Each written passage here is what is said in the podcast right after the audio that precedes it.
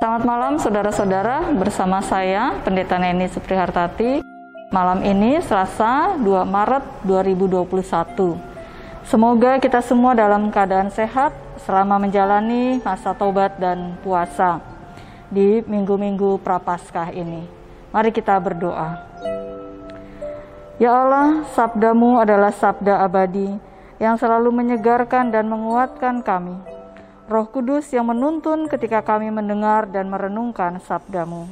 Amin. Bacaan Alkitab dari kejadian pasal 22 ayat 1 hingga ayat 8. Saya bacakan. Setelah semuanya itu Allah mencoba Abraham. Ia berfirman kepadanya, Abraham, lalu sahutnya, Ya Tuhan, firmannya, ambillah anakmu yang tunggal itu yang engkau kasihi, yakni Ishak Pergilah ke tanah Moria dan persembahkanlah dia di sana sebagai korban bakaran pada salah satu gunung yang akan kukatakan kepadamu. Keesokan harinya, pagi-pagi, bangunlah Abraham. Ia memasang pelana keledainya dan memanggil dua orang bujangnya beserta Ishak anaknya. Ia membelah juga kayu untuk korban bakaran itu. Lalu berangkatlah ia dan pergi ke tempat yang dikatakan Allah kepadanya.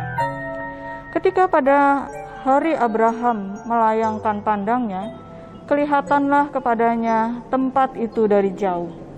Kata Abraham kepada kedua bujangnya itu, "Tinggallah kamu di sini dengan keledai ini. Aku beserta anak ini akan pergi ke sana. Kami akan sembahyang." Sesudah itu kami kembali kepadamu.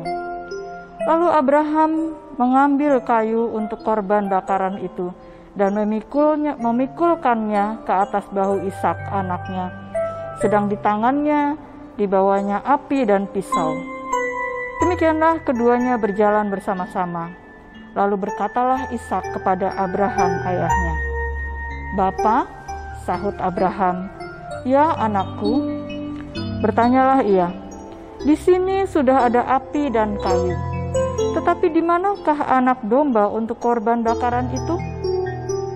Sahut Abraham, Allah yang akan menyediakan anak domba untuk korban bakaran baginya. Demikianlah keduanya berjalan bersama-sama. Saudara-saudara yang dikasih oleh Tuhan Yesus Kristus, Allah yang menyediakan anak domba untuk korban bakaran baginya, anakku. Itulah jawaban Abraham ketika Ishak anaknya bertanya, "Di mana anak domba untuk korban bakaran itu?" Jawaban yang sesungguhnya juga menjadi sejuta pertanyaan bagi Abraham. Mengapa Allah memerintahkannya untuk menjadikan Ishak sebagai korban bakaran? Haruskah ia mengikuti perintah Allah?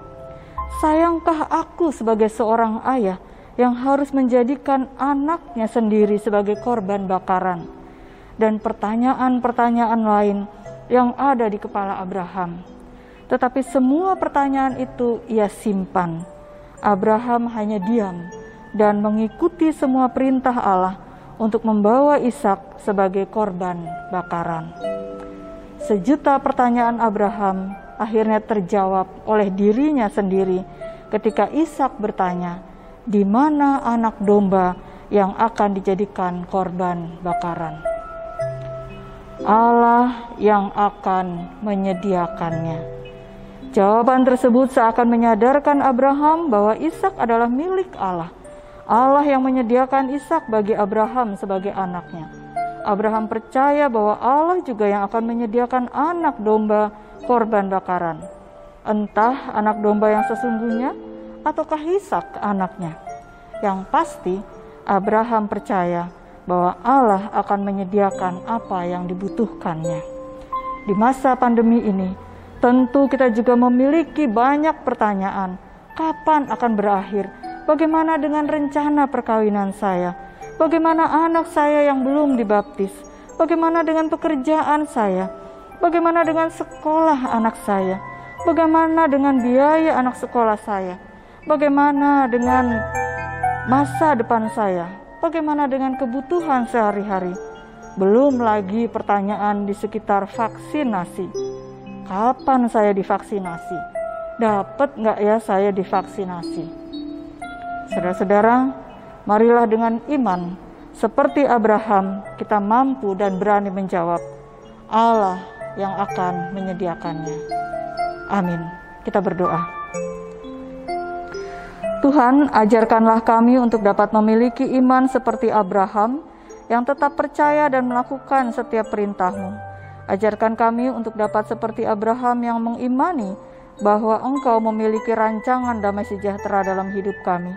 Ajarkan kami untuk percaya dan berkata, Allah yang menyediakan bagi kami.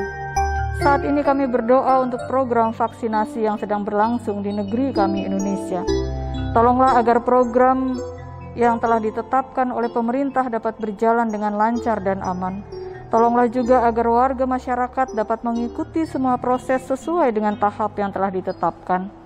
Berikanlah kami ketenangan dan kesabaran dalam menunggu giliran untuk mendapatkan vaksin.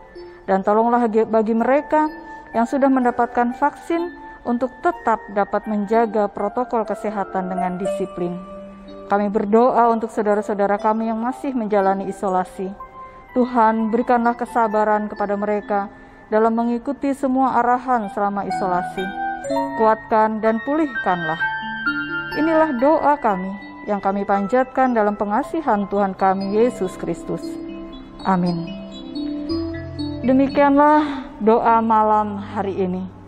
Selamat malam, selamat beristirahat. Tuhan menjaga kita semua.